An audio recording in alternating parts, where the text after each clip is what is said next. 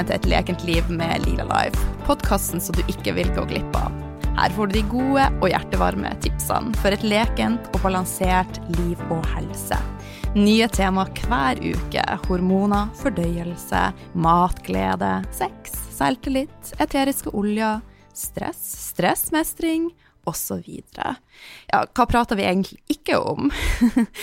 Noen ganger så har jeg med meg spennende gjester, og av og til så er det meg. Og hvem er jeg? Jeg er Oline, jeg er næringsterapeut, yogalærer, veileder i eteriske oljer, mamma, livsnyter og har ei brennende interesse for ei naturlig helse.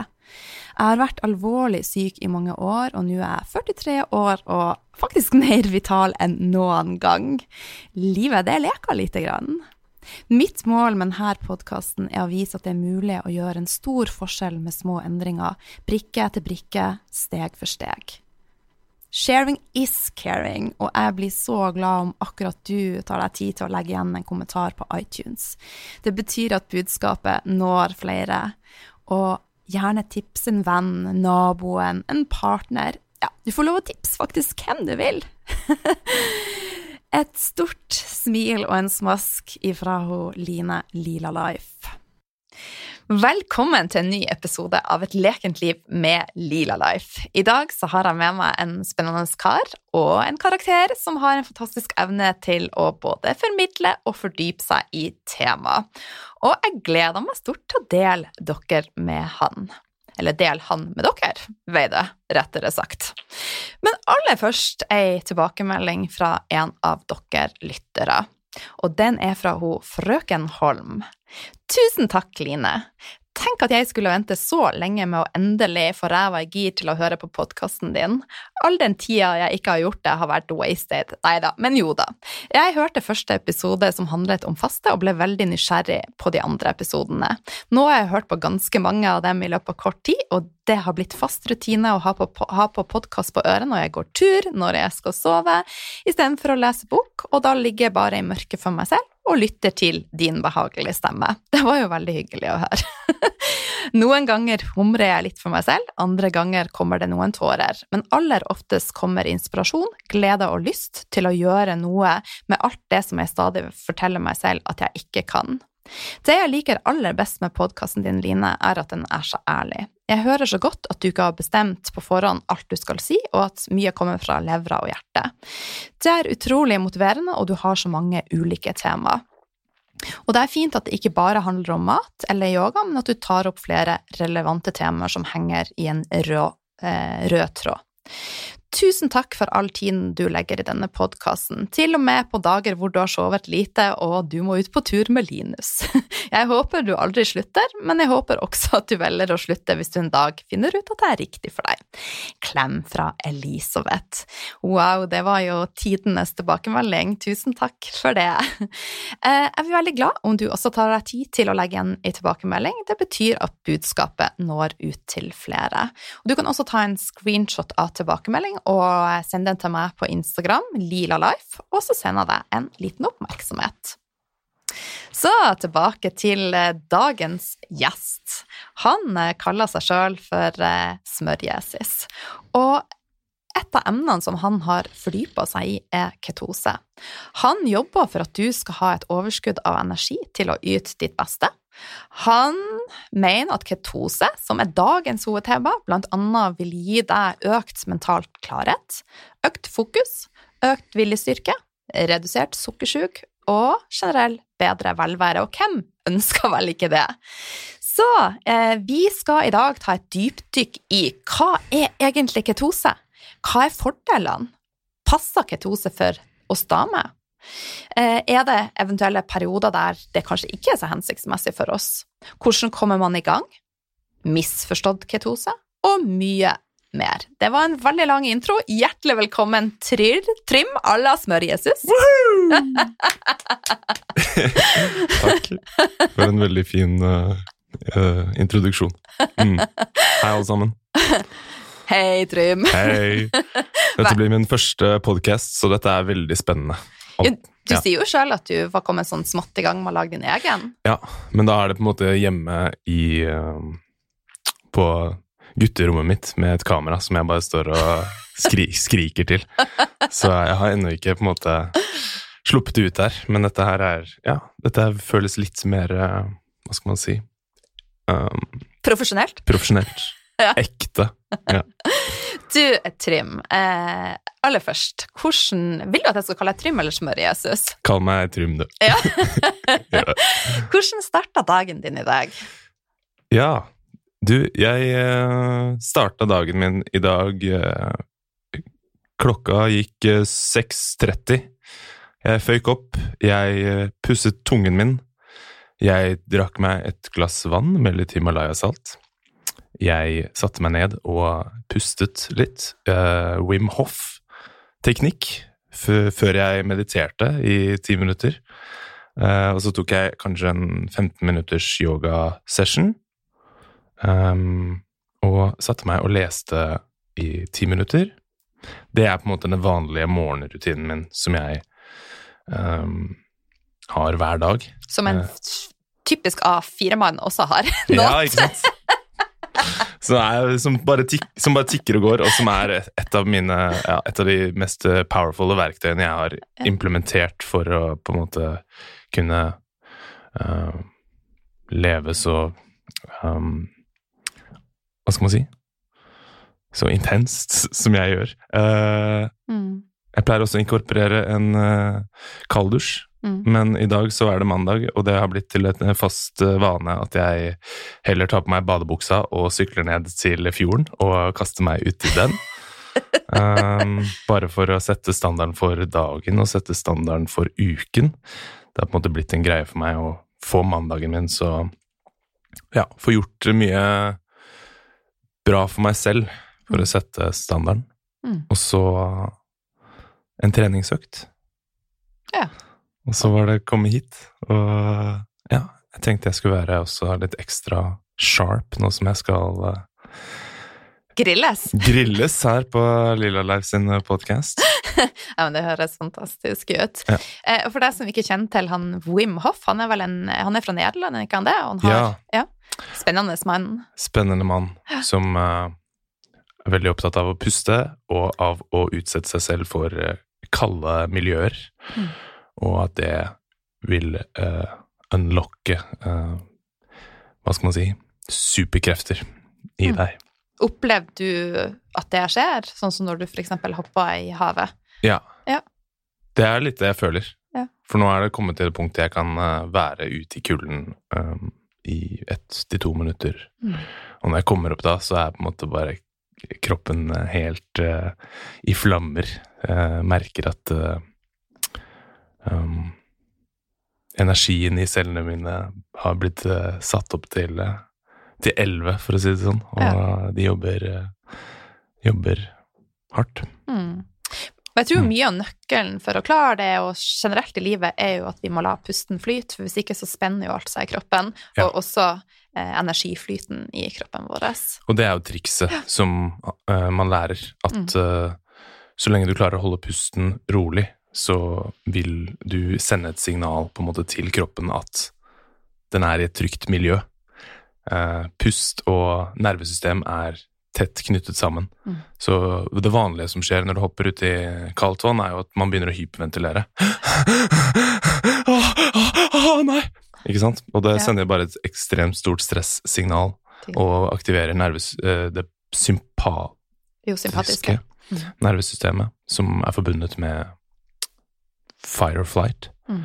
Uh, Men det man har lært, er at hvis man klarer å puste helst lengre um, ekshaleringer enn inhaleringer, sender et signal om at du er trygg. Og da klarer du faktisk å ja, være i et såpass ekstremt miljø uten å få den eh, stressresponsen, da. Mm. Som er igjen et veldig sunt verktøy for å takle stress eh, generelt i livet, da. At du, du lærer kroppen din å på en måte takle stress bedre. Mm. Og det trenger vi alle å eh, lære. Det Ja. tror jeg. Men du, eh, litt tilbake til deg, Trym. Eh, Ja. Vi har lyst til å bli bedre kjent med deg. Okay. Kan ikke du fortelle oss litt om din bakgrunn og deg sjøl? Jo, det kan jeg gjøre. Eh, hvor skal man starte? Um, Fortell, hvordan ble han Smør-Jesus til? ja, ok. Så jeg var jeg, har- jeg er egentlig utdannet musiker. Mhm. Så det er den stien jeg var på i veldig lang tid. Jeg skulle bli eh, rockestjerne og leve av å lage min egen musikk. Så jeg spilte i band i veldig lang tid.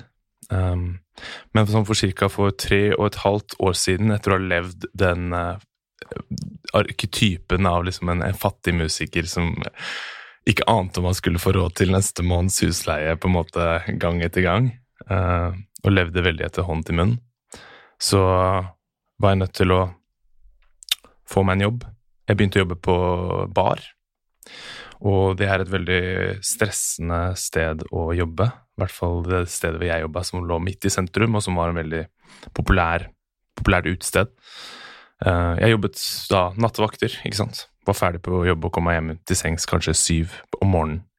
Eh, Neste uke så jobba jeg da på kafé på dagvakter, så var, jeg merket at hele døgnrytmen min var helt off. Jeg brydde meg ikke så veldig mye om hva jeg spiste. Jeg trente aldri. Jeg hadde ikke noe tid til å drive med de tingene som jeg elsket å gjøre, som å lage musikk, fordi denne jobben tok hele på en måte tida mi og energien min. Um, og ja, det blir mye drikking, da. Og mye festing, som det blir når du jobber på bar.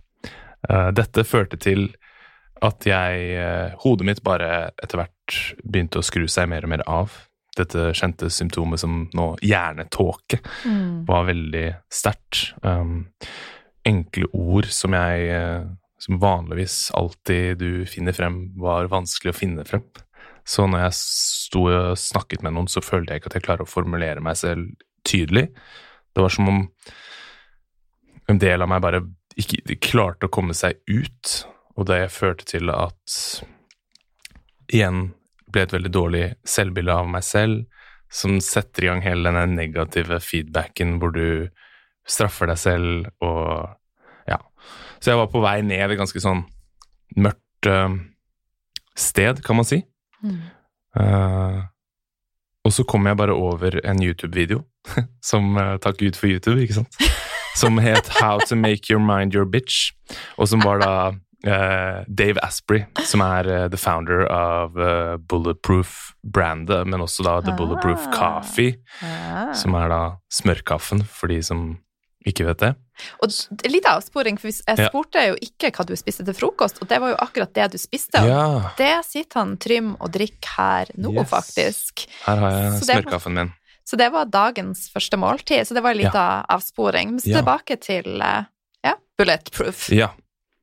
Og han forklarte egentlig bare alle de symptomene som jeg gikk gjennom, og knyttet det til kosthold. Mm. Og at, det er, at kroppen din er eh, en programvare, og hvordan du velger å Eller den informasjonen du velger å gi den, har en ekstremt stor påvirkning på den opplevelsen som du eh, har til slutt. Fordi kroppen din er eh, det du essensielt skal leve din virkelighet gjennom. Så hvis det ikke fungerer, så vil du ha en kjipere opplevelse. Og det var jo det jeg hadde.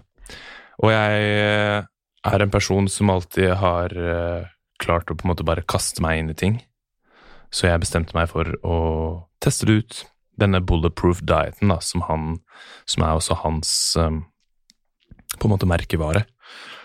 Som er en antiinflamatorisk ketogen kost. Mm. Som er da mye fett, veldig lite karbohydrater, men godt stykker med eh, protein. Eh, optimalt fra animalske gode kilder. Så han er også veldig på ikke sant, kjøpe økologisk og ha gressfòra kjøtt og eh, antiinflammator Kutte de For det er ting du kan spise selv om det er ketogent, som fortsatt kan irritere tarmen din og skape inflammasjon Mm. og sånne ting. Det skal vi komme nærmere inn på. Dette her skal altså. vi komme inn på. Det er vi nødt til. Så, så det var på en måte en veldig Det ble en sterk polaritet i forhold til der hvor jeg hadde vært, ikke sant? hvor jeg ikke Mm. brydde meg så mye om hva jeg spiste og drakk mye. Nå kutta jeg alt av alkohol og alt av sukker, og det var denne smørkaffen som på en måte um, med denne spesielle MCT-oljen som han også selger, som skrudde på systemet mitt igjen, da. Og jeg uh, følte at jeg ja, kjente på en energi som jeg aldri hadde kjent på. Det var som en energi som jeg aldri hadde kjent på. Og skrudde på hjernen min, skrudde på hele kroppen min. Uh, jeg begynte å få selvtilliten min tilbake, og turte å endelig teste ut brasiliansk jiu-jitsu. som jeg hadde hatt lyst til å prøve i lang tid, men som man bare ikke sant, man utsetter og fordi man bare er redd for å eh, kaste seg ut i noe nytt, egentlig. Og jeg ble frelst av det, ikke sant, som førte til at jeg trente plutselig fire ganger i uka. Uh, og alle disse tingene åpnet et lite øye for meg, bare sånn ja, det, var, det, viste hvor viktig disse, det å ta vare på kroppen sin uh, er for å ha en god opplevelse, og det er jo det vi alle ønsker. Vi ønsker jo å bare ha leve et så godt liv som mulig. Og jeg forsto at det her var en nøkkel, da. Og det ble et lite sånn Et lite sånn En visjon for meg å se hvor langt det er det jeg kan på en måte strekke denne strikken. Da. Hvor, hvor går grensen for hva et individ kan gjøre for seg selv for å skape den optimale opplevelse, kan mm. du si. Men Smør-Jesus, da? Navnet Smør-Jesus? Ja, det kom i For ca. ett år siden så startet jeg min eh, Instagram. Da var det Du må da, sjekke ut instaen til han Trym. Ja. Smør-Jesus. Smor-Jesus. Det er der jeg befinner meg um, på Instagram. Uh, og ja, det var uh, Så dette her, denne åpenbaringen jeg fikk, skjedde for kanskje tre, litt over tre år siden. Så jeg brukte på en måte to år. Jeg skjønte at det var veldig mye jeg var nødt til å rydde opp i for å Ja, jeg skjønte at det var mye Ja, mye å rydde opp i. Og jeg, og jeg, jobbet med å bygge meg selv til å bli en så uh, god, god, person som jeg kunne bli. Jeg skjønte at jeg ikke Jeg, jeg hadde en anelse om at kanskje etter hvert så var dette noe jeg kunne gjøre om til et yrke. Men det krevde en lang periode med uh, intens uh, arbeid for å dykke ned i det og studere det og ofre veldig mye, ikke sant. Du, du ofrer kanskje å stikke ut med gutta for å heller være hjemme og lese. Du ofrer å spise pizza for å faste. Altså det, som, det var mye, mye, sånt arbeid. Samtidig som at man kanskje der og da føler at det er et offer, så ser du jo rewarden i, ja. i det store bildet. I hvert fall gjør jeg det. Ja. Det kan føles kjipt der og da, men så ser jeg at det var faktisk verdt det. Ja, for det blir jo også en veldig stor del av selvutvikling å lage gode mål, ikke sant. Å ha denne, dette, denne stjerna oppe i horisonten som du sikter på. Og når du også da merker at ved å gjøre disse ofringene over tid, så, så, kommer du deg nærmere, så blir du på en måte enda mer motivert til å fortsette og Ja, hvor mye, hvor mer er det Hvor, mye, hvor store offer er det jeg kan gjøre? Det er som om jo større offer, jo større reward. Mm. Så det er jo Men det, nå, ja, nå er jeg litt off the path igjen her av det vi snakker om. Det her kommer det til å skje. Jeg er en master digresser, som man sier. Jeg skal prøve å lede ut. Og... Du lurte på Smør-Jesus. Ja. Det var egentlig bare en kompis av meg som begynte å kalle meg det. Fordi jeg hadde smør i kaffen min, og jeg hadde store smørkladder på biffen min, og det var på en måte Gikk mye smør, da jeg pre preacha, preacha det, det, gode ord av uh, smør. Og jeg syns det navnet bare var så morsomt. Mm. Og jeg er en, en person som ja, liker å ikke ta meg selv for seriøst. Og det er jo også viktig. Ja. Mm. Og når jeg spurte litt folk rundt, hva syns de om Smør-Jesus? Den reaksjonen jeg fikk, var liksom enten bare sånn det var dritmorsomt, eller det der Hæ? Det, det er, Kan ikke kalle deg selv for Smør-Jesus, hva er det du tenker med? Så skjønte jeg at ok, her er det For det var også noe med en, en, um, et navn Når det Når du merker at det kommer masse ideer som på en måte strømmer fra det navnet, da skjønner jeg at ok, her er det noe man kan bygge på. Uh, Ja. Og så hvis dere går og ser, uh, sjekker ut instaen til han Trym, så kan dere skjønne også at uh, det er andre ting som gjør at det navnet passer til han. Jeg skal Ja. ikke si noe mer. Nei. det er ikke det vi skal snakke om i dag. Nei, men du, tilbake til uh, ketose. Ja. Hva er det som har gjort at du er vits så begeistra for uh, ketose? Det er uh, Det er jo forskjellige ting, men selvfølgelig den viktigste er jo min egen opplevelse av det, ikke sant. Jeg føler jo at det var det som, som skrudde meg på. Um, det at hjernen min plutselig begynte å brenne dette alternative drivstoffet. Så det har jo vært en veldig viktig faktor. Og så er det jo det å se at det fungerer veldig bra for veldig mange andre også, ikke sant. Så du har det anekdotale beviset som er tydelig, at folk eh, går ned eh, raskt i vekt eh, og på en måte uten så veldig mange store Altså, det er ikke så smertefullt som man ofte har knyttet dietter til, da. Det, Mm. det er ofte mange jeg føler har konnotasjon til en diett, er liksom et slit, ikke sant. Mens det her Ja, men det skal, vi kan komme tilbake til Ja. akkurat hvorfor. Jeg, er litt, jeg er ikke så glad i navnet diett. Eh, jeg får litt sånn motstand mot det, da. Ja. Så, et, eh, så vi kaller det et ketogent kosthold. Ja, Eller nesten en livsstil, Ja. er det jeg også føler at det er. Mm. Fordi ett, så tenker jeg Når et menneske som ikke er her, hører det, så er det liksom Å, det er noe jeg skal gjøre i to uker, og så er jeg plutselig der jeg ønsker å være. Og sånn er jo ikke verden skrudd sammen. Nei. Så ketogen livsstil. Ja, Ja, det er det Da vi har kan vi kalle naila den. Bra. Takk for det. Um, og så er det jo veldig mye vitenskap også, måte, som kommer, eh, som tyder på at de tingene som folk kjenner på, da, dette med at det får redusert sult og redusert blodsukker og ja, eh, økt eh, hjernekapasitet, eh, kognitiv funksjon, eh, minne eh, Det begynner å på en måte vises også i vitenskapen, da. Men eh, for meg så er det viktigste Også er det rett og slett litt sånn logisk i forhold til hvordan jeg har lært I forhold til hvordan vi vet evolusjonen har fungert, da Mm. så gir det også veldig mening logisk. Og hvis du ser på for eksempel, Et eksempel er jo lagrene av energi du har i kroppen. ikke sant? Du har et sukkerlager, og så har du et fettlager. Sukkerlageret er på kanskje 500 gram. Uh, Og det, er glukose. det er glukose. Mm. Så det er Vi kan kanskje bare hoppe inn i det. Jeg kan, jeg kan gi dette eksempelet, så kan vi snakke litt mer om ketose, hva det er og hvordan det funker. Mm. sånn. Mens du har jo et, et, en vanlig person sånn som meg, har et fettlager på 15 kilo.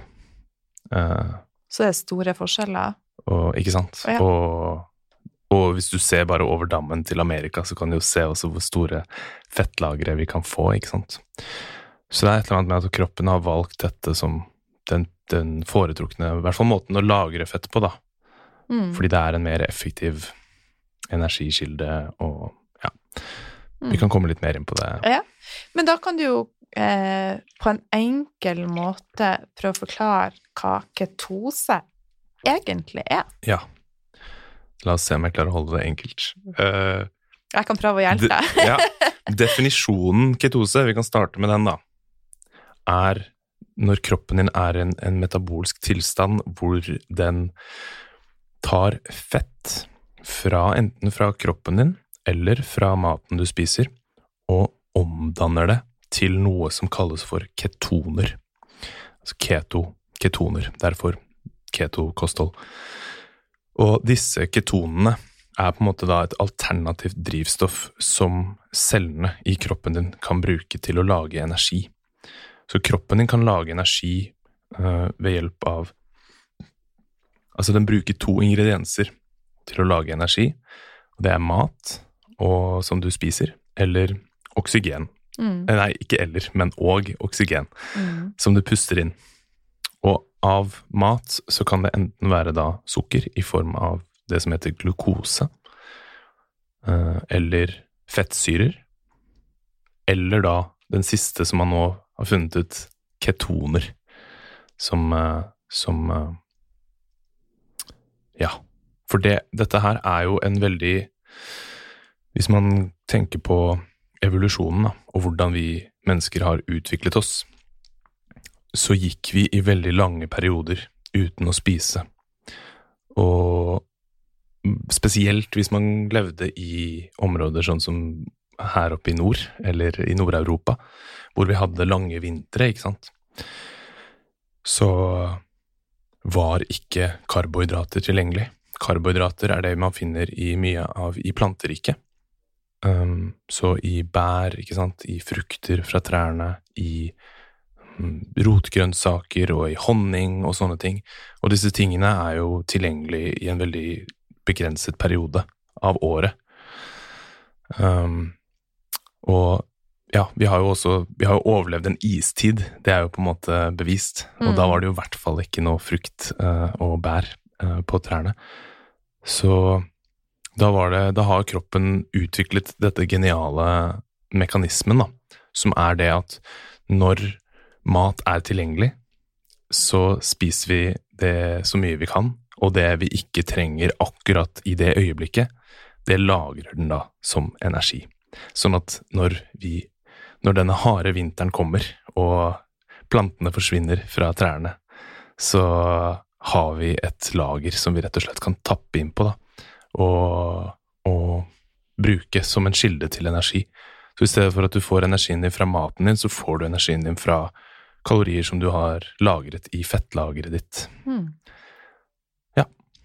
Ja, og dette er jo sånn som eh, en del rovdyr, de går, sånn som bjørn, han går jo i hi, han spiser jo ikke på et halvt år, og da er det jo ketona han forbrenner. Ja. Men i dag så er jo situasjonen en helt annen. Vi Ja. lever jo i et overflodsamfunn Yes. hvor vi har eh, mat på alle kanter, og de fleste nå skal ikke jeg være veldig generaliserende, så i hvert fall mange av oss har et veldig svingende blodsukker, Ja. og da er vi blitt lært til at vi må spise ofte og lite for å holde dette blodsukkeret stabilt.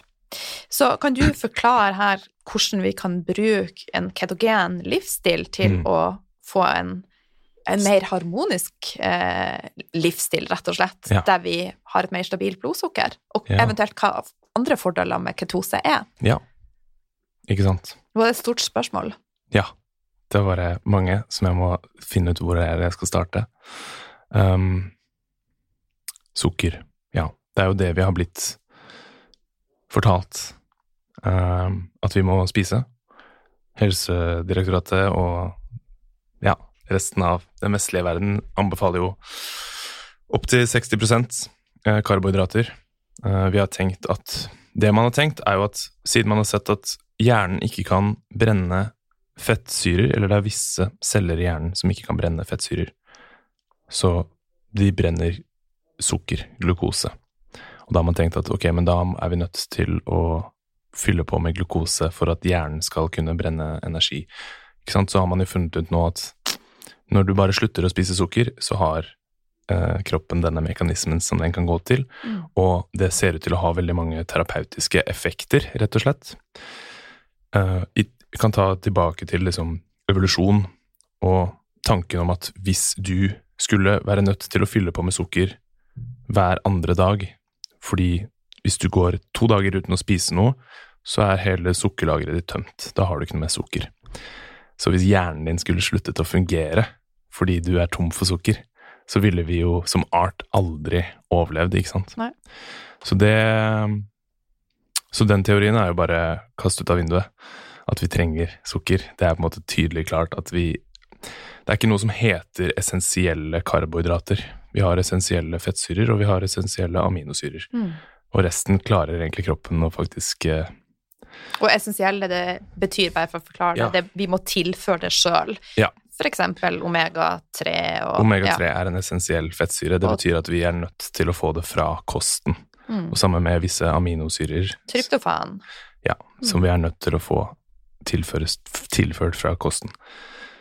Um, og ja, vi har jo da blitt fortalt at uh, fett er det som er kilden til all sykdom. Uh, og har puttet på en måte karbohydrater på the pedestal av Du må spise seks måltider om dagen og få i deg 60% av energiinntaket ditt fra karbohydrater og Ja, dette blir jo en um, Det er jo forskjell på karbohydrater, selvfølgelig.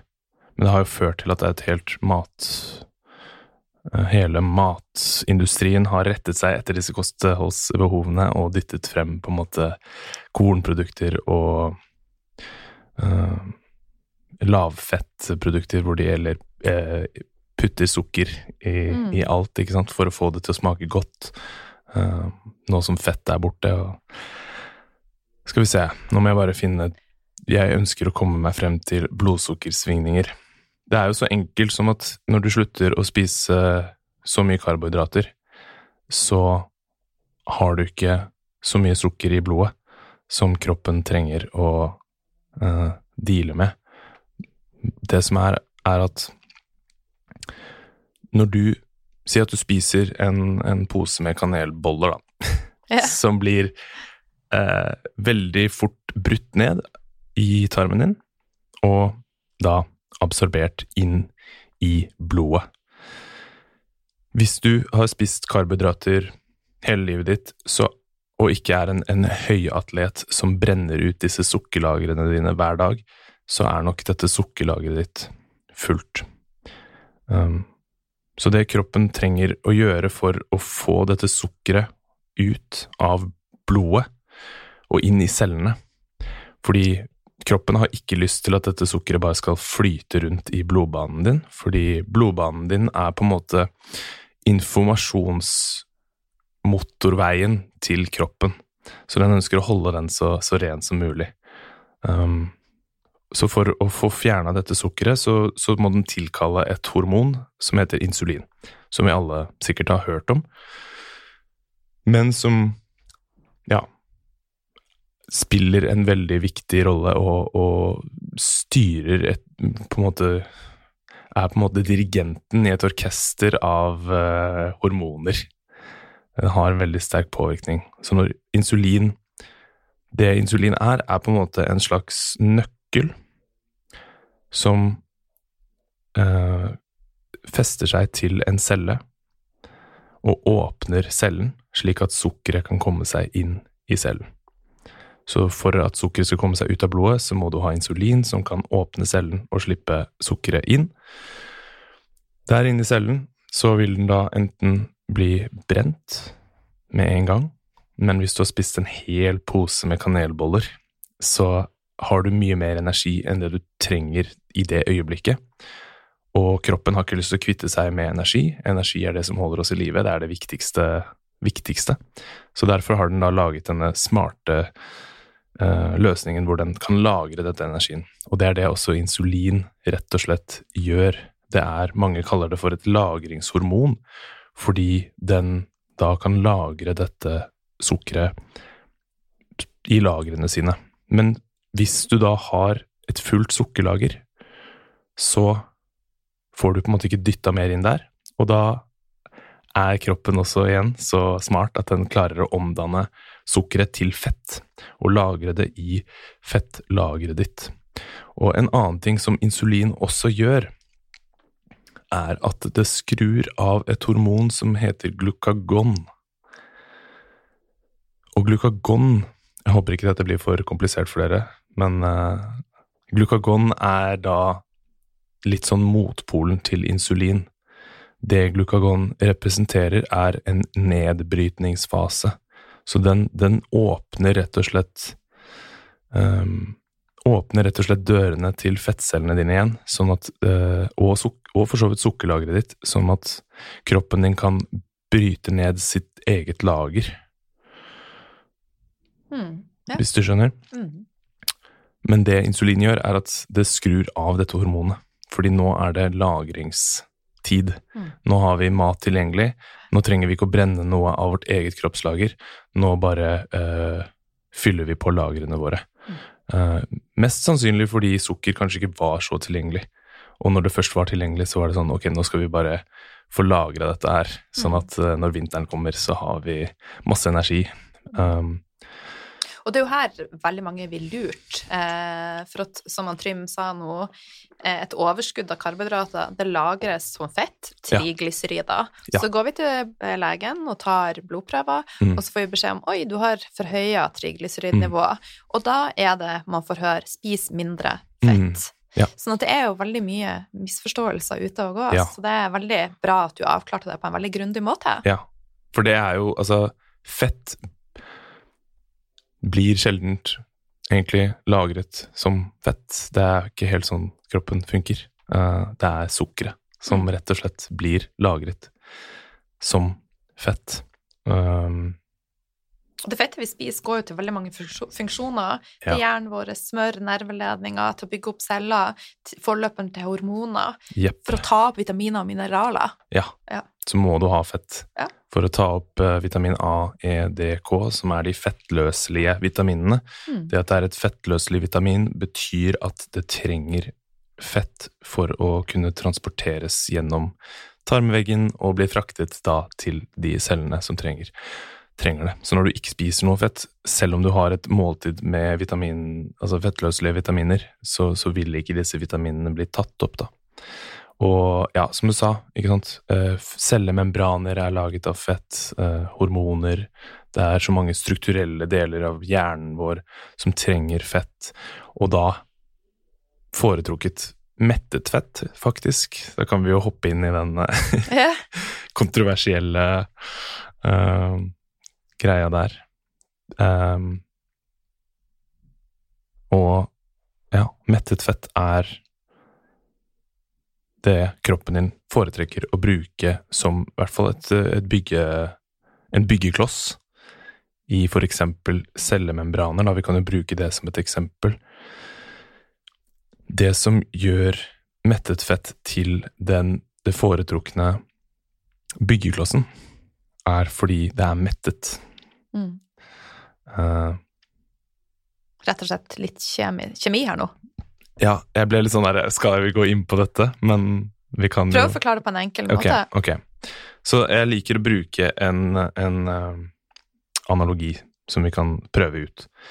Du kan se på en fettsyre som en en eh, en en mus. Det har et, et musehode, og så har den på en måte en lang hale. Ja. det er jeg med her. Og dette, denne halen er da av en karbonskjede. Så det er på en måte mange karboner som er knyttet sammen til en skjede. Um, karbon er jo det som på en måte Man kaller jo det alt som har karbon i seg, organisk materiale. Det er det som gjør, gjør at ting veldig enkelt kan binde seg til hverandre, og som gjør at uh, vi har den ekstremt varierte sammensetningen av atomer og molekyler Mm. i vår verden. Um, så en lang skjede med karbonatomer, og til hvert karbonatom på hver sin side så er det mm, da plasser Du kan se på denne skjeden også som et, et middagsbord som er dekket på til fest. Mm. Og hvis eh, en fettsyre er mettet, så er alle disse plassene tatt av disse hydrogenatomene. Og da er det ingen plass igjen til en eller annen eh, ubuden gjest å komme og skape helvete, ikke sant? For det er uh, tingen med umettede fettsyrer, og da spesielt flermettede fettsyrer, er at de er mye mer skjøre. Så en mettet fettsyre er mye mer robust, og det at den er mettet også, gjør at den er helt rett, som gir det da den eh, når, det, når det er i romtemperatur, så skaper det denne kompakte formen, ikke sant. Det blir Mm. eh, fast. Og det er jo igjen et tegn på at noe er stabilt, ikke sant. Stabilitet liker vi. Ja. Ja. I hvert fall når man skal bygge en struktur, Mm. så vil man ikke ha masse hull i borgen sin, hvis det er Nei. det man bygger for å Mm. forsvare seg selv, ikke sant. Eh, en umettet fettsyre har jo da eh, en av disse plassene rundt middagsbordet ledig. Og det som ofte kan skje da, er at det kan binde seg til eh, et ja, fritt radikal er jo også noe som man snakker mye om. Mm. et eh, reaktivt oksygenatom, eller molekyl, som er det at det er reaktivt. Det betyr at det rett og slett Åh, det her blir komplisert, men jeg bare kjører på. Uh, det mangler et elektron i sitt ytterste skall. Mm. Uh, og et elektron er jo på en måte da en, en Det er jo en elektrisk uh, ladning, ikke sant. Så når dette atomet mangler dette elektronet, så blir det veldig reaktivt. Det vil si at den ønsker å nøytralisere den ladningen, sånn at det kan bli stabilt igjen, ikke sant. Og det den gjør, er at den flyter rundt og prøver å binde seg til andre atomer eller molekyler og stjele et elektron fra dette atomet, sånn at den kan bli på en måte hel igjen, da. Mm. Men det som skjer da, er jo at det, dette skaper en kjedereaksjon av uh, dritt. Da, ja, men da er det sånn type man kan få inflammasjoner og ubalanser i systemet, ikke sant? Ja, ja. Dette er jo mange som knytter det til egentlig de fleste kroniske sykdommer. ja. Autoimmunitet og Ja. Mm. For det Når det atomet har blitt helt, så har det andre blitt ustabilt fordi de mista sitt elektron, ikke sant. Mm. Og så blir det reaktivt igjen, og så skaper det en sånn dominoeffekt hvor, som er veldig skadelig da, for de atomene, molekylene, det måtte gjelde. Mm. Så hvis kroppen din, cellene dine, som har da en cellemembran som fungerer akkurat som huden vår fungerer til å beskytte mot det ytre miljøet, så har cellen også på en måte en hud som den bruker for å beskytte seg mot det ytre miljøet, for å beskytte seg mot uh, patogener som kan komme og skade på den, men også for å holde et uh, atskilt miljø Mm. inne, inne i cellen fra det ytre miljøet, ikke sant. Men så det er også veldig viktig at eh, celle, cellemembranen også er myk, og at den faktisk For den Mm. kan jo vi avstive, sånn at vi får ting Ja. inn på Mm. cellenivå. Så det er jo en sånn Ja, det er jo et finstemt eh, system, det her. Ja. Det er jo utrolig spennende. Men et ketogent kosthold vil da kunne hjelpe med å holde dette i balanse? Ja, Ja. ikke sant? For da Sånn som vi har blitt uh, lært opp nå, er jo at vi skal fokusere på å spise eh, vegetabilske oljer. ikke sant? Ut med det mettede fettet, inn med margarin, inn med Vita Hjertegod og planteoljer. Disse har lite mettet fett, og veldig mye flerumettet fett. Disse flerumettede fettsyrene er da veldig skjøre, så de blir veldig fort skadet. Eh, spesielt hvis du steker noe med dem, ikke sant. Og det er jo det folk Ofte ja. bruker til å steke nå, er jo Mm. rapsolje eller solsikkeolje eller soyaolje eller maisolje.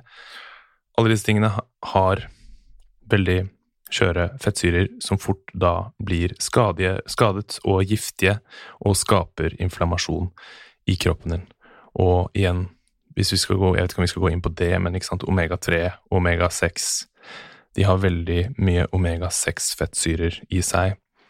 Eh, og du har noe som kalles for en omega-3, omega-6-balanse, som er veldig viktig å ha i balanse.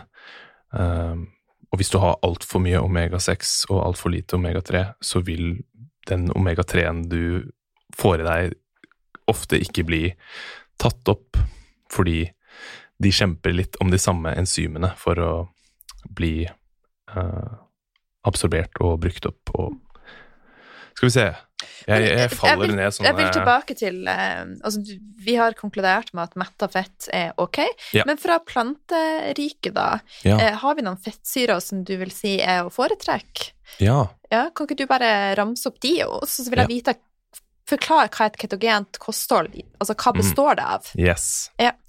Um, så du har jo gode fettkilder fra det animalske planteriket. Du har eh, kokosolje, som er hovedsakelig mettet fett, eh, palmeolje, men da eh, pref altså foretrukket kjøpt fra en, en god kilde som ikke er med på å rive ned regnskogen. Um, olivenolje, extra virgin olivenolje, har veldig mye enumettet fett, som også er bra for oss. De er ikke like skjøre, men, men hvis man spiser det da Og dette her, ikke sant, det er kaldpresset. Det er noe du har presset fra olivene. Det er ikke noe du har trengt å um, ta med til uh, en kjemisk fabrikk for å presse ut uh, oljen, som er ofte tilfellet med disse vegetabilske oljene. Da. At uh, de blir puttet under høyt trykk og under høye temperaturer, og de blir tilsatt farger og sånne ting, og for å fjerne lukt, og ja, de går gjennom en ganske sånn ja, Kjip prosess. Kjip prosess mm. før det kommer seg til butikkhyllen, og jeg vil nok gjette at mange av fettsyrene allerede er oksidert, da, før de når eh, på en måte middagstallerkenen din. Um, så det mm. Andre matvarer på et, eh, altså et ketogent ja. kosthold? Hva vil du um, anbefale? Hva er viktig å ha med? Vi kan jo, For å komme seg i ketose, så er det Så skal man jo kutte karbohydratene. Det er på en måte det som er nøkkelen her. Uh, så man, man har et, et lite sånn en, en pie chart hvor det er ca. 70-75% av energiinntaket ditt er fra fett. 20-25 um, er protein. Det kommer litt an på hvis du ønsker å bygge muskler, f.eks., så kan det være at det er positivt å ha litt ekstra protein i kosten din. Um, og så 5% karbohydrater. Og disse karbohydratene kommer da fra uh, planteskilder, men som er veldig lavkarbohydrat-planteskilder. Så um, en, en, enkel nøkkelregel når man tenker på hvilke grønnsaker for eksempel man kan spise på et ketogent kosthold, er um, mat som vokser over bakken. Så det vil si uh, bladsalater, uh, kål, brokkoli, alt i den familien der, blomkål, rosenkål, um, vårløk, løk, hvitløk, squash, paprika, agurk, mm. tomat. Mm. Så Men la oss si hun Kari nå. Hun, ja. har, uh, hun spiser vanlig norsk uh, matpakke. Ja. Eh, hun spiser on the go, mm. ferdig mat, og så hører hun nå denne episoden, yes. og så har hun lyst til å sette i gang. Ja. Hvordan setter hun i gang, Trym? Um, det, dette kommer litt an på på en måte personen. Mm. Det vil alltid være veldig individuelt hva, hvordan folk eh, kan komme seg inn i, i dette her. Sånn, sånn, som meg, som er en person som på en måte bare kan kaste meg inn i det. Mm uh, vil kunne bare sette i gang og få en liste her. Spis, ikke spis disse tingene, spis disse tingene. Uh, andre har litt mer vanskeligheter for sånne ting og trenger kanskje en mer jevnere overgang. Tenker du det kan være greit å starte med uh, å kutte ut visse ting, men fortsatt uh, har litt karbohydrater. Så fokuser på å starte med å kutte ut prosessert mat, mat med altfor mange ingrediens, uh, ingredienser. Uh, kutte ut kanskje også kornprodukter. Det tenker jeg generelt de fleste vil ha godt av. Så da brød, uh, frokostblandinger, um, pasta, den slags. Hvit ris ser ut til å være gå fint som en på en måte karbohydrat som er ikke for inflammatorisk, da. Uh, og, men også rotgrønnsaker, uh, søtpotet, den slags. Fortsett å spise det. Kanskje i en to ukers periode. Kutte ut også da disse vegetabilske oljene, uh, som er da, ikke sant, soyaolje, maisolje, um, peanøttolje, solsikkeolje eh, rapsolje. Få det ut og erstatte med flere mettede fettkilder. Få i deg mer smør. Eh, kjøpe mer fete kjøttstykker. Um, ikke sant? Kjøp noe kokosolje. Uh, avokado. Mm. Og prøve å få i deg mer fett derfra. Og så etter hvert, når man på en måte har kanskje gjort det i to-tre uker, så kan man begynne å kanskje også kutte ut da rotgrønnsakene, kutte ut risen og Ta det litt, ta det litt eh, steg for steg. Mm. Så det kommer litt an på hva man eh, Hvem man er og ja. Mm. Men jeg tenker um, hvis man er på ei glukoseforbrenning og skal over på ei fettforbrenning, for det er jo det vi prøver å pense kroppen ja. over til, eh, så er jeg litt opptatt av at det er eh, store forskjeller på det å være mann og kvinne. ja. Eh, og det, dette er noe som jeg leser mye om nå, da. Mm. Eh, vi går eh, ut fra to forskjellige rytmer. Ja. Eh, sånn at jeg har prøvd ketose, Mm. og jeg hadde behov for litt sånn gradvis tilnærming. Ja. Og jeg har også sett at eh, i enkelte dager av syklusen min så trenger jeg litt mer karbohydrater enn ellers. Mm. Hva er dine tanker om det her, Trym? Du som er mann. Ja, ikke sant? Der igjen så er jeg veldig på uh, det som kalles for bioindividualitet. Mm. Jeg, jeg fremmer det å bli kjent med sin egen kropp, og bli kjent med hvordan den kroppen fungerer best, og hva den fungerer best på. Det jeg tror For jeg er ikke, jeg er ikke han som sier at ket, du skal være i ketose 100% av tiden, hele tiden, men det er mer enn en Jeg tror det å bli metabolsk fleksibel er et nøkkelord her Mm. som jeg ønsker å fremme. Og hva, hva vil det si å være metabolsk fleksibel? Det er du en hybridbil. Ja, det er en hybrid som kan uh, bruke det på en måte ketoner og kan gå fint enkelt inn i ketose hvis du ønsker å være der, men du kan også på en måte, du kan switche litt inn og ut av uh, drivstoffkilden du velger å bruke, men for å kunne bli metabolsk fleksibel, så trenger du en periode hvor du er uh, i ketose. Fordi når vi Sånn som Ja, hvis man er en Hvis Karin er oppe i 40-årene og har blitt fortalt at hun er nødt til å bare spise eller fokusere på karbohydrater og hele den greia der i hele sitt liv, så er nok dette systemet som, som Altså dette metabolske systemet, ketose, er på en måte som en, en sånn rusten maskin som ligger oppå loftet og støver, ikke sant, fordi den har ikke blitt brukt på 40 år, siden hun var et lite barn. Og da trenger man å på en måte vekke det litt til live igjen for at det skal gå, for at eh, tannhjulene skal kunne smøres og bli At man kan børste av rusten, og at det kan være et system som fungerer bra, da. Og når man da har, hvis man har eksempel viet en måned eller to til å gå litt sånn på et strengt ketogent kosthold, så har man blitt det som kalles for ketoadaptert, eller fett-tilpasset, eller hva man enn velger å kalle det. Som betyr at man, hvis man velger å Ja, hvis man skal til Spania en uke, da, og velger å på en måte Nå, nå gidder jeg ikke å bry meg så mye om hva jeg spiser, nå ønsker jeg bare å smake på livets frukter og Ikke sant? Så er det ikke noe problem for deg når du kommer tilbake da, å komme deg tilbake inn i ketose, fordi dette systemet er Ja, du har børstet av støvet, og ja, det, de, de gjør at du kan um, fluctuate litt inn og ut, Mm. og Og det vil jeg si, det er sånn jeg opererer. Jeg har hatt en periode av livet mitt der jeg var i streng ketose, så Mm. nå jobber jeg som en hybrid og Ja. følger syklusen min ettersom jeg spiser. Og, så da har jeg litt lyst til at du skal definere, Jim, Mm. for at eh, vi har karbohydrater, og jeg vil si at eh, du har forklart hvilken type karbohydrater som er lurt hvis du ønsker å være i total ketose. Ja. Men så har jeg det som jeg også kaller smart carbs. Kan ikke du Ja. bare ramse opp de smart carbsen som kan være den delen der du er litt ute, og så bruker litt Ja. mer glukose som Ikke sant? energi?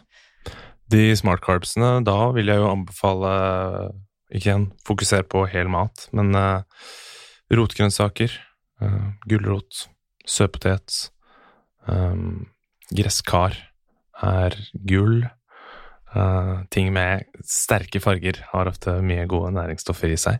Mm. Um, ris, um, men da hvit ris, rett og slett. Uh, at vi har skrelt bort vi, har tenkt at fullkorn og brown rice og alle disse tingene er det som gjelder, av at det har et høyt innhold av fiber. Men det det også har et høyt innhold av, er antinæringsstoffer, som ofte plager tarmen din og skaper inflammasjon. Ja, så hvit ris eh, er ganske antiinflamatorisk og er bare en, en kilde til karbohydrater uh, uten at det plager deg for mye. Eh, annet enn det så er det jo igjen variert hva folk reagerer på. Um, mange har ikke like mye problemer med eksempel havre eller bokhvete og sånne ting. Um, men ja, Mm. det er de. Og honning.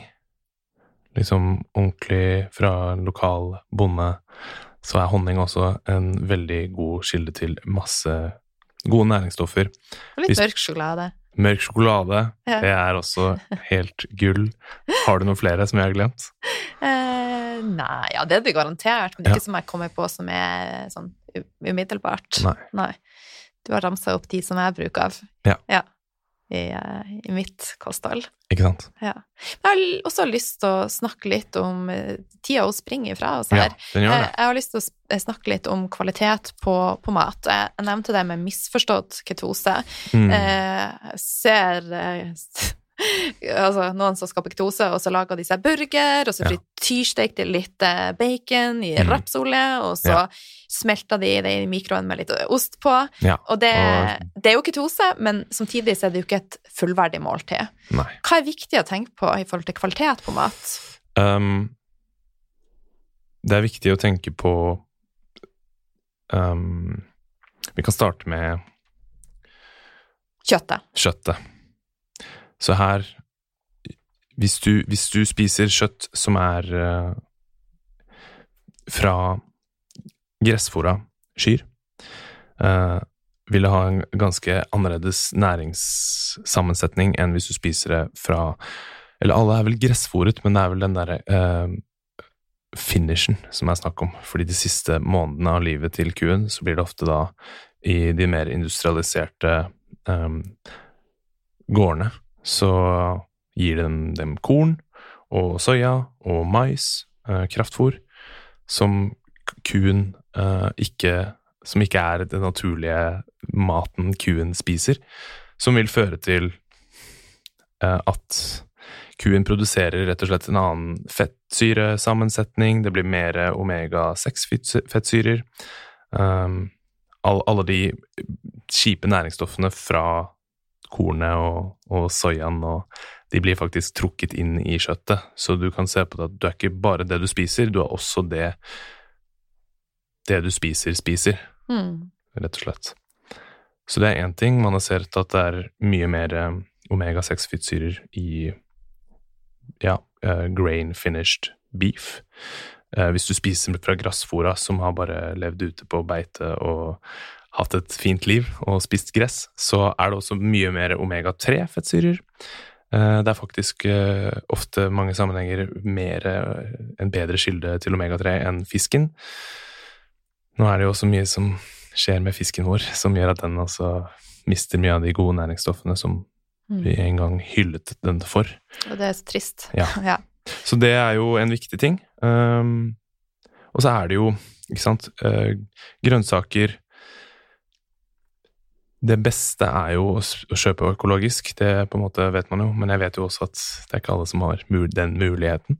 Men hvis man ønsker på en måte det optimale, så er det jo økologisk, rett og slett fordi disse eh, pesticidene og tingene som disse grønnsakene blir sprayet med, har også en veldig negativ påvirkning på kroppen din, og kan skape inflammasjon, og kan over tid føre til autoimmune lidelser og sånne ting.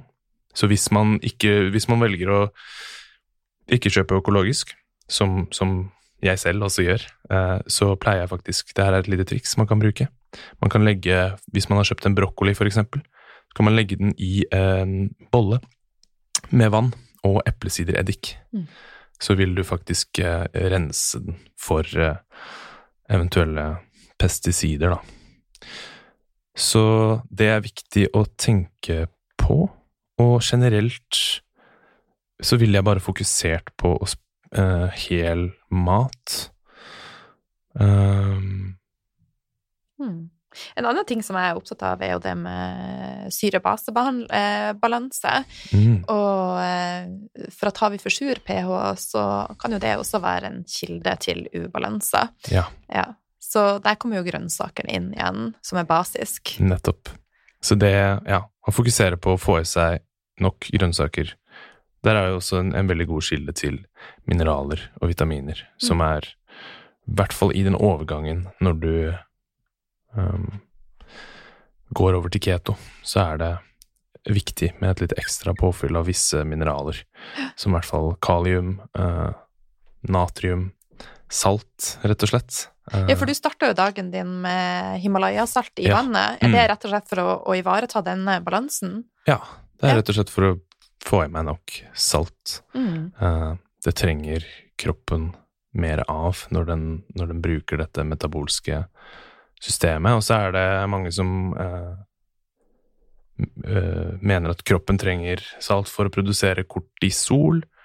Så når du tar det om morgenen, så vil dette også kunne være med å vekke kroppen din et lite ekstra hakk. Eller hjelper kroppen din å på en måte våkne.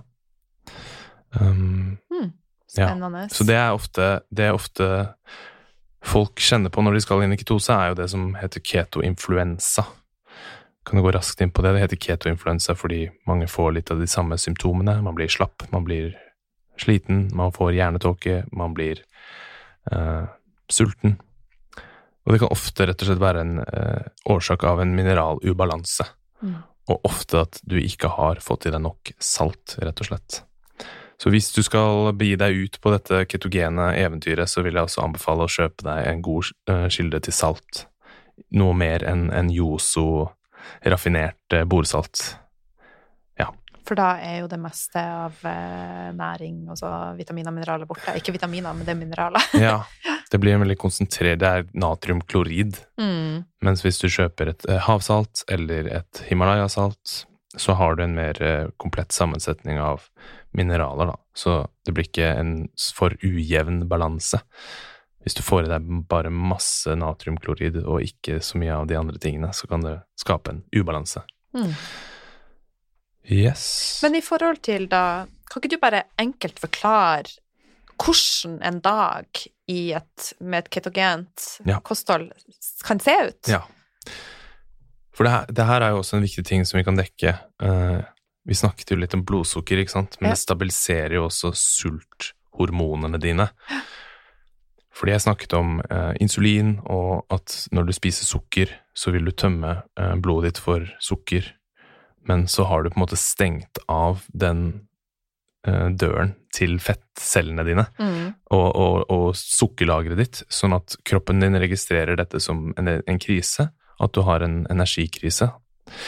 Og det er derfor du får dette blodsukkerkrasjet og blir ekstremt sulten og løper inn på nærmeste 7-Eleven og kjøper deg en Snickers og Mm. fyller på, ikke sant, og så er det dette evige denne blodsukkerkarusellen. Når- Og hvis man fortsetter der, da, så vil man jo da kunne utvikle diabetes 2, Yes. overvekt og er, mer ubalanse. det er jo igjen sikkert noe vi også burde Ja. snakket om, jeg vet ikke hvor mye tid vi har. Men nå har vi nøyaktig fem minutter igjen, Yes. Trym. Å, det er synd. Det er så mye å si. Men du er Eh, hjertelig velkommen tilbake, du. ja, fantastisk. Da får vi, vi har masse mer å snakke om. Um, men jo, stabiliserer da sulten, sulthormonene dine, fordi nå har du faktisk åpnet da døren til disse fettcellene, sånn at kroppen din kan bare forsyne seg med sine egne kalorier, eh, selv om du ikke har mat i blodet eller i tarmen din, da. Så det gjør det på en måte mye enklere. Eh, sulten får ikke den, den samme sterke stemmen, Mm. Eh, som også bare stabiliserer sant, sulthormonene dine, som igjen stabiliserer en rekke andre hormoner. Da jeg snakket om insulin som litt sånn den dirigenten uh, av disse hormonene, så når du får roa ned insulin, i den utskillelsen, så er det mye annet som også roer seg sammen med denne. Og ikke sant, diabetes, insulinresistens. Nå er det nå er det eh, estimert at 70% av amerikanere f.eks. har insulinresistens. Og så er det knytter det er veldig mange som begynner å knytte insulinresistens til sykdom. de kroniske sykdommene vi har. Det er en mye bedre eh, predictor av hjertesykdom, f.eks., Mm. uh, enn det bare å se på LDL-kolesterol Mm. og sånne ting. Så det, man begynner å skjønne at insulinresistens ligger egentlig i basen av veldig mye av de sykdommene vi Jeg ser. var det når jeg la mi, i gang med min omlengring. Sånn? At, eh, og det er jo fullt mulig å snu veldig fort. Ja, Mm. og det er bare å slutte å spise sukker. Ja. Så vil kroppen din slipp, slutte å pøse ut insulin, Mm. og cellene dine vil få tilbake den sensitiviteten, da. For det er jo det som skjer. Du er konstant insulinutskillelse. Du fyller på cellene dine med fett til det punktet hvor de ikke klarer å holde mer. eh, og kroppen din blir desensitivisert til insulin, som igjen fører til bare masse problemer. Men det er ikke det vi skulle snakke om. Vi skulle snakke om hvordan en vanlig dag ser ut. Så det som dagen min i dag, for eksempel, så spiste jeg ingenting før jeg kom hit. Jeg har til og med vært og hatt en liten treningsøkt. Eh, Så da har jeg gitt kroppen muligheten til å bare forsyne seg av mitt eget lager. Mm.